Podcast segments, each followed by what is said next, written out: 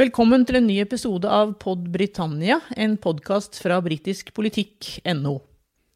Jeg heter Trine Andersen, og i dag skal vi snakke om hvordan det er å rapportere om smått og stort fra Storbritannia og hjem til Norge. Jeg har med meg to som har lang erfaring i det, Anette Groth og Espen Aas, som begge har vært NRK-korrespondenter i London. We shall never surrender. The pride in who we are is not a part of our past. It defines our present and our future. The people of Scotland have spoken. England, Scotland, Wales, Northern Ireland together, taking us forward, unleashing the potential of the whole country. Jeg tenker jeg kan begynne litt med deg, Anette. Du var NRK-korrespondent fra 1991 til 2000. Det var i en litt annen medievirkelighet, var det ikke det? Hvordan så din hverdag ut? Ja, den var jo annerledes. Jeg jobbet med radio og TV. Vi hadde jo ikke nett uh, på den tiden.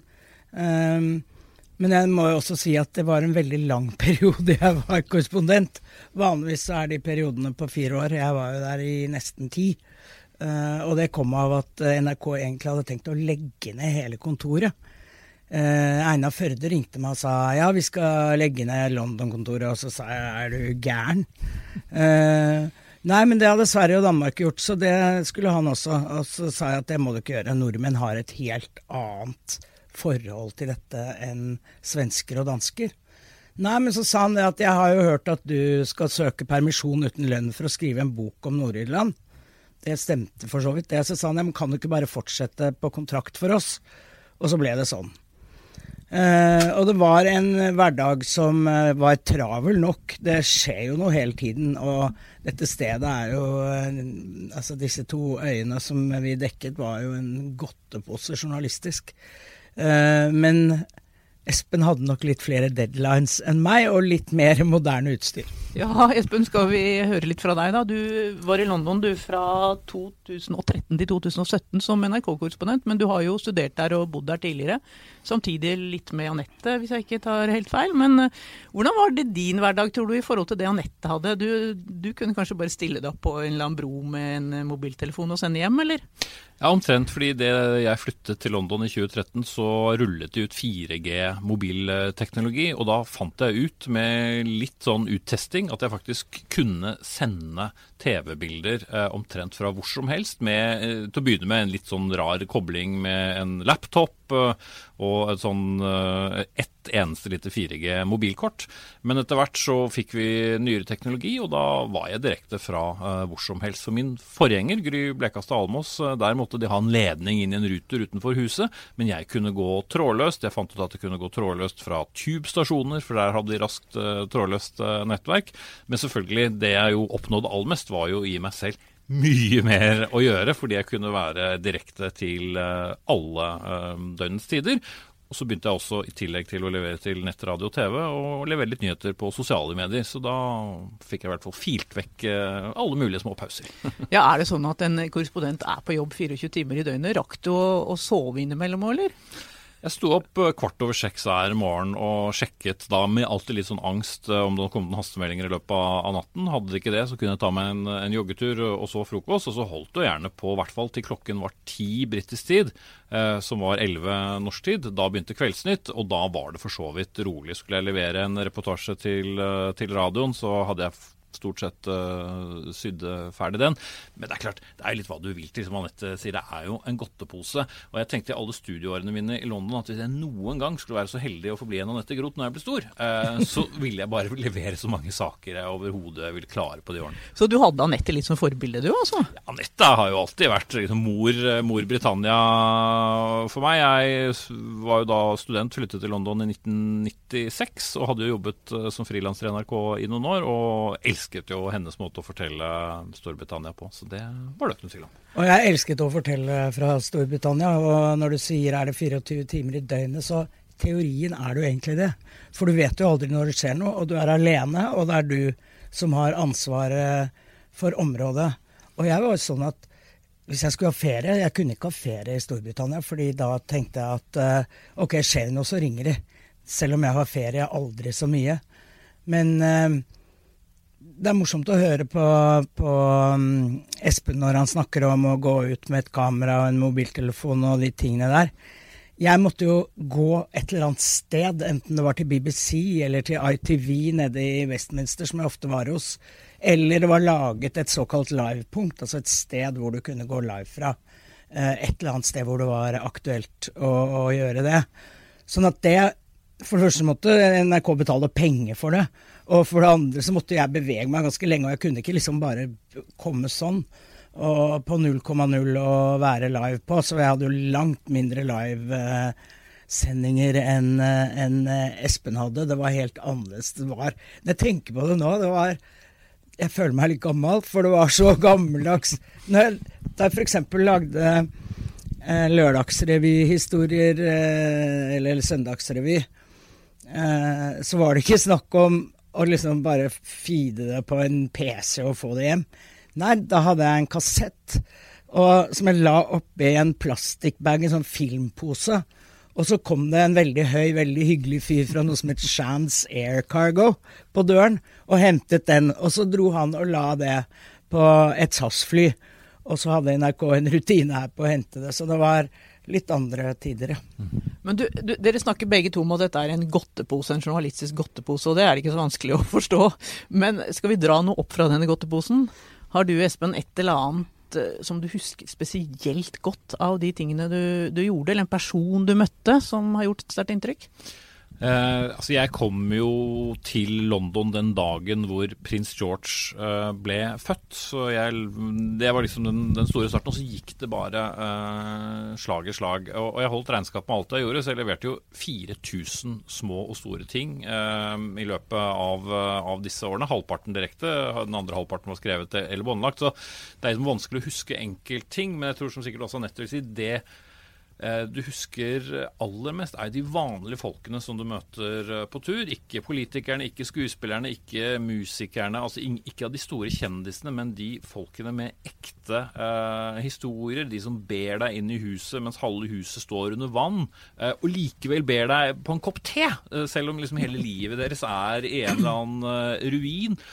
Eller eh, moren som kommer nærmest vaklende ut til Manchester fordi hun har hatt med jentene på eh, en Ariane Grande-konsert som blir bombet av en terrorist, men likevel velger å stå og snakke med meg som er en journalist fra Norge. Eller hun eldre dama i Glasgow som sto og ventet for å se om mannen hennes hadde overlevd den puben hvor et helikopter styrtet. Og da jeg sa jeg var fra Norge, så ga hun meg en sånn bamseklem uh, og sa Have you gone all the way from Norway just to talk about us? Uh, så det er jo sånne små hjertelige historier uh, som alltid vil være igjen. Og mange av disse menneskene fortsetter vi journalister gjerne å, å, ha kontakt med. bare For det er, jo, det er, jo, de som er det ekte Storbritannia. Jeg var veldig mye i Irland, uh, særlig i Nord-Irland. Mer enn de fleste andre korrespondenter, tror jeg, fordi jeg hadde interessert meg for det i mange år. Og dette var jo i den tiden hvor det var eh, iallfall en del av 90-tallet, hvor det var konflikt i Nord-Irland og, og, krig. Og det jeg husker, er hvordan folk Man sier gjerne om briter at 'keep calm and carry on', men det der gjelder veldig for folk i Nord-Irland, som levde i et samfunn hvor du hadde væpnet politi i sånn kamuflasjeuniformer, og du hadde soldater, og du hadde eh, bomber. Folk ble drept. Altså hele tiden måtte du være på alerten. Og der snakket jeg med veldig mange flotte mennesker. Og noe jeg husker kanskje spesielt godt, det var akkurat da jeg kom. Da dro jeg også til Nord-Irland. Da dro jeg til Derry, eller London Derry som den heter offisielt. Og der traff jeg Johnny Walker. Han var en av disse fra The Birmingham Six, en av disse som var um, dømt for bombevirksomhet uh, og som senere, altså på 70-tallet, og som senere ble frikjent. Fordi det viste seg at det var oppkonstruerte bevis og sånn. Men der traff jeg han eh, mindre enn et år etter at han kom ut av fengsel, etter 16,5 år som uskyldig dømt. Det var et sterkt møte.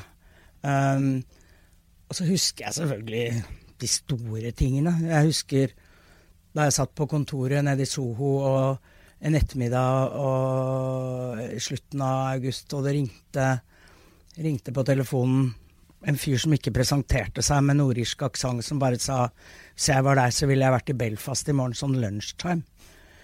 Uh, og jeg tenkte med en gang våpenhvile, for det hadde vært noen spekulasjoner, men det var ingen som trodde det kom da.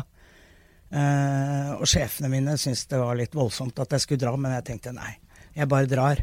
Jeg har, lett, jeg har levd etter at det er lettere å få tilgivelse enn å få tillatelse. Det har gått veldig bra i mange år. Så da dro jeg, og det ble våpenhvile. Og jeg hadde jo et halvt døgns forsprang på mine norske konkurrenter i London. Jeg ble jo sittende igjen med, med, med, brexit. Opprinnelig skulle jo min kontrakt gå ut i 2016, sommeren 2016. Og så forut for den brexit-avstemningen så begynte jeg å massere litt forsiktig NRK-sjefene og foreslå at kanskje jeg burde få forlengelse. Jeg syns jo selv at tre år bare var altfor kort. Og godt var jo det. Hvis ikke så hadde vi hatt et korrespondentskifte midt oppi brexit-kaoset. Så klart Den siste tiden av min korrespondentperiode handlet jo nesten alt om, om brexit. Men klarte som regel å få inn en og annen, annen historie også. Men det er én ting vi begge husker, Espen, og det er Dianas død. Ja. Da var du også der du gikk på London School of Economics, var det vel? Jeg er University of London, ja. ja et eller annet sted, et universitet. Mm. ja, det var jo helt, uh, helt utrolig. Den uh, masse, sørgingen og folk som kom fra liksom, hvert et verdenshjørne for å stå enten foran Kensington Palace eller uh, Buckingham Palace. Barn som skrev små dikt og la under steiner inne i Kensington Gardens. Det var fortsatt gåsehud da å tenke tilbake på, på, den tiden. Og den køen foran Kensington Palace, den var lang de skulle skrive en sånn kondolanseprotokoll. Det betyr, betyr, jo egentlig ingenting, men de skulle skrive den. Og der var det alt fra punkere til gamle bestemødre, til menn i stripte dresser, til barn. Altså eh, Det var akkurat som om det var deres personlige sorg, og jeg har tenkt mye på det etterpå. Var det hysteri? Hva var det for noe? Og jeg, jeg tror rett og slett at det var noe med henne som gjorde at folk begynte å tenke over sine egne liv og at det var derfor de ble så berørt. Mm. Og Det var kanskje den aller første sånn massesorgen. Altså, vi har jo sett det i, i, i, senere år fordi vi har sosiale medier og folk blir så tatt inn i det, men eh, prinsesse Dianas, prins Dianas død er en helt sånn særstilling. Uh, det var en, en verdenssendt uh, masse, massesorg, og som fortsatt blir litt sånn rare i stemmen når de tenker seg tilbake til, til 1996. Ja, jeg lagde jo mange historier på 97, til og med. Ja, ja 97. Jeg lagde mange historier på dronningen og familien som ble oppe i Skottland. Det var jo mange som ble sinte for det. Det var jo da også Tony Blair som, eh, som skapte uttrykket 'The People's Princess'. Mens, og han var ute blant folk, mens eh, dronningen og familien satt der oppe. Og det var nok for å beskytte barnebarna, de to guttene. Harry og William. Men eh, det falt ikke godt. Det var en krise for dronning Elisabeth, akkurat det der. Men eh, hun kom ned, og Charles dro og kom hjem med kisten, og de stilte opp i begravelse og alt det, og dronningen holdt jo en direktesendt tale fra Buckingham Palace som gjorde en, en del bedre. Men det, det, var ikke, det, var nok ikke det mest praktfulle øyeblikk i dronning Elisabeths tid. Jeg husker det, den talen, og jeg syns det var bare så vondt. For hun hadde så dårlige forklaringer, og forklaringene som kom ut i forkant. Og ja, men det var ikke en del av kongehuset, derfor var det unaturlig for oss å, flagge på halv stang. Og det var sånn som, som, om hun hadde vært på månen, og, og ikke i, i, Skottland. Men uh, det ble jo starten på en helt ny æra for henne òg, da hun vel plukket opp mange av triksene fra prinsesse Diana og, og forsto mye mer av den dynamikken som er mellom uh, kongelige og folk. Storbritannia ser alltid litt sånn annerledes ut når du ser det hjemmefra enn når du bor midt i det. Hvordan var eh, forholdet til hjemmeredaksjonen? Bestemte de mye av det dere skulle gjøre, eller hadde dere en stor grad av eh, selvstendighet at dere fikk bestemme selv? Jeg tenkte nesten fra start at uh, jeg kommer til å se sakene bedre. Uh, og jeg har jo jobbet mange nok år i NRK også som vaktsjef i Dagsrevyen og i andre stillinger så jeg tenkte at de beste ideene er jo der. Så jeg bestemte meg for nesten utelukkende være i forkant. For ikke å bli bedt om å lage en eller annen litt rar sak som de hadde plukket opp i Aftenposten eller på NTB, eller en sak som var, var gammel. og det gikk stort sett bra. Jeg, jeg tenkte akkurat likt. Uh, selvfølgelig når det er svære nyheter, så gir det seg selv. Uh, men jeg regnet på det faktisk, og fant ut at noe sånn som 80% av de sakene jeg leverte hjem, var initiert av meg selv. Sånn at uh, det er ganske lurt å tenke sånn, tror jeg. Fordi ja, nå har jeg en filosofi om at når du lager saker om så mye forskjellig, så må du på en måte interessere deg for det, ellers så får du det så kjedelig når du holder på. Sånn at, at det er måten å gjøre det på, men det er klart at initierer du sakene selv, så er det mye morsommere. Det gjør det mer å, å gjøre, men, men, det blir morsommere. Ja, morsommere. Ja. Det er alltid morsomt å høre at folk har, når folk har gått på trynet. Var det noen ganger de gikk veldig gærent for dere på direkten? Ja, det var jo det. Også fordi teknologien som jeg brukte var jo helt på grensen hele tiden. Um, og i hvert fall til å begynne med, når jeg hadde dette litt sånn egenmekkede liveutstyret og sto i regnværet, og plutselig så, så konker jo ting ut. Eller da vi var uh, og dekket uh, terrorangrep, det var ikke Storbritannia, men i, men i Brussel, så uh, hadde fotografen og jeg spist en god middag, skulle direkte i, i Dagsrevyen. Endelig hadde fått en ordentlig middag og skulle møte noen oppe ved EU-hovedkvarteret kvarteret. Men uh, trafikken sto jo helt, så vi løp to kilometer. Jeg i dressko uh, med stativ og sekk. Og, altså, jeg har sett på de bildene etterpå, og jeg dør hvordan jeg ser. Og jeg er helt sånn svett. altså jeg, Mange tuller med at jeg er så bustete hår. Jeg hadde ikke det da, for det var helt sånn klistret til hodet av Uh, av settet. Og i tillegg selvfølgelig folk som forstyrrer deg på livepunkt. Stå alene live under en demonstrasjon uh, hvor noen kommer bort og skal kjefte og fortelle et eller annet. Men jeg la bare hånden min på magen hans, det ble han veldig rolig av. Og så rapporterte jeg ferdig i Dagsrevyen, og så var jeg av, og da spurte jeg han hva, hva var det du lurte på.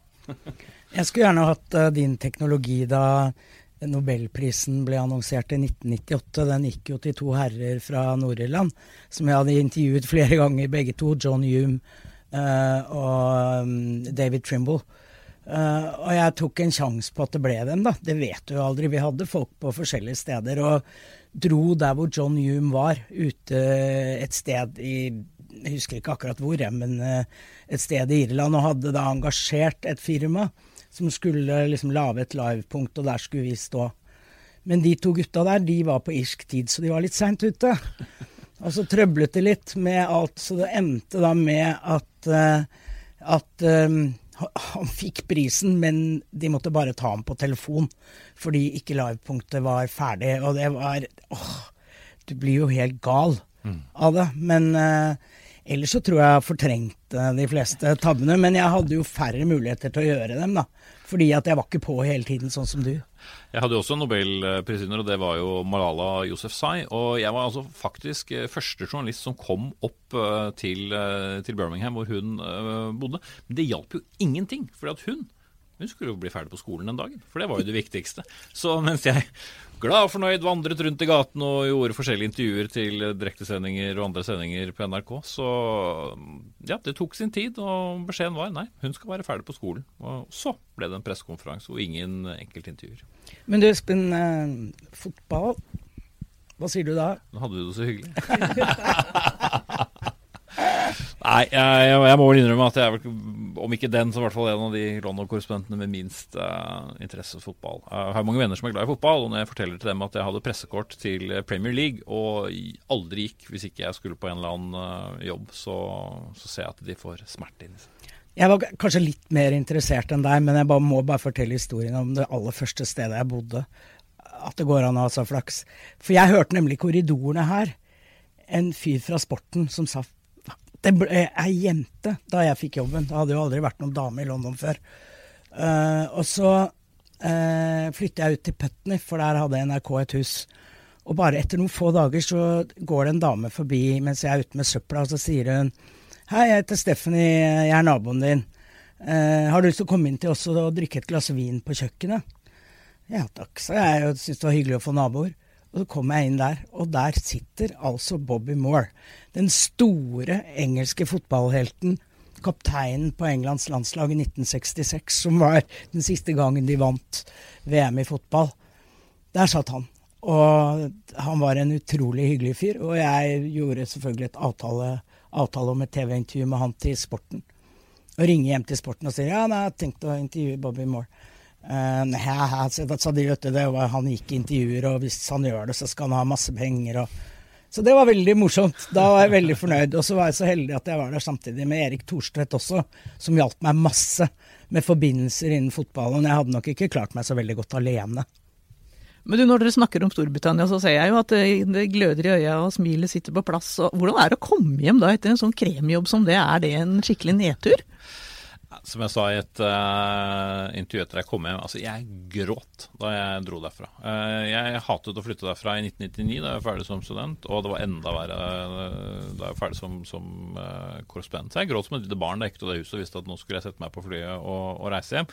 Men for all del, jeg savner jo bare Storbritannia hver dag, så det er ikke verre enn det.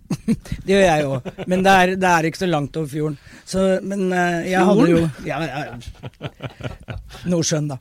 Men det er jo For meg så var det litt annerledes, for jeg hadde vært der så lenge. Og jeg gikk rundt med tanker som at jeg vil gi meg her mens jeg ennå føler at jeg gjør denne jobben bra. At det ikke blir litt sånn Å gud, er hun der ennå? Er ikke hun pastor sell by date for lengst?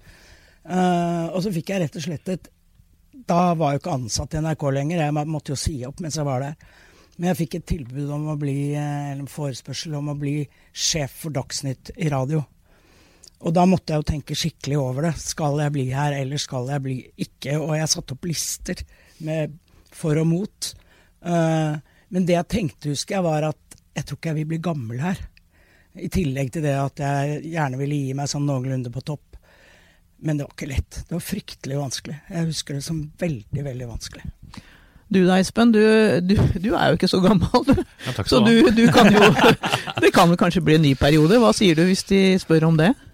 Altså, Jeg har vel, har vel, tenkt den tanken noen ganger, men det vil jo være opp til NRK hvem de vil ha. Vil de ha en middelaldrende fyr som har vært der før, eller vil de ha en ung fremadstormende? Det får jo være opp til, til NRK. Men jeg har jo tenkt at jeg gjerne vil bo der igjen, for jeg kjenner så mye på den gleden hver eneste gang jeg kommer dit. Bare, bare, lukten av søppel på en varm sommerdag i London kan få det til å krible i meg, for da føler jeg at jeg er litt, eh, litt hjemme. Jeg har jo gjort eh, mye rart i mine mange år i eh, NRK, men uh, uten tvil så er de årene i London det er høydepunktet. Ja, det er ikke tvil om. Det var en av de tingene jeg ble nervøs for. Jeg reiste dit som 40-åring, kom hjem som 44-åring og tenkte at nå skal jeg kanskje jobbe i 25 år til, eller noe sånt.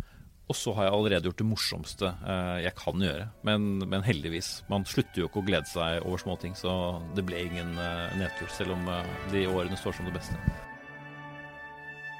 We shall never surrender. The pride in who we are is not a part of our past. It defines our present and our future. The people of Scotland have spoken. England, Scotland, Wales, Northern Ireland together, taking us forward, unleashing the potential of the whole country. Order!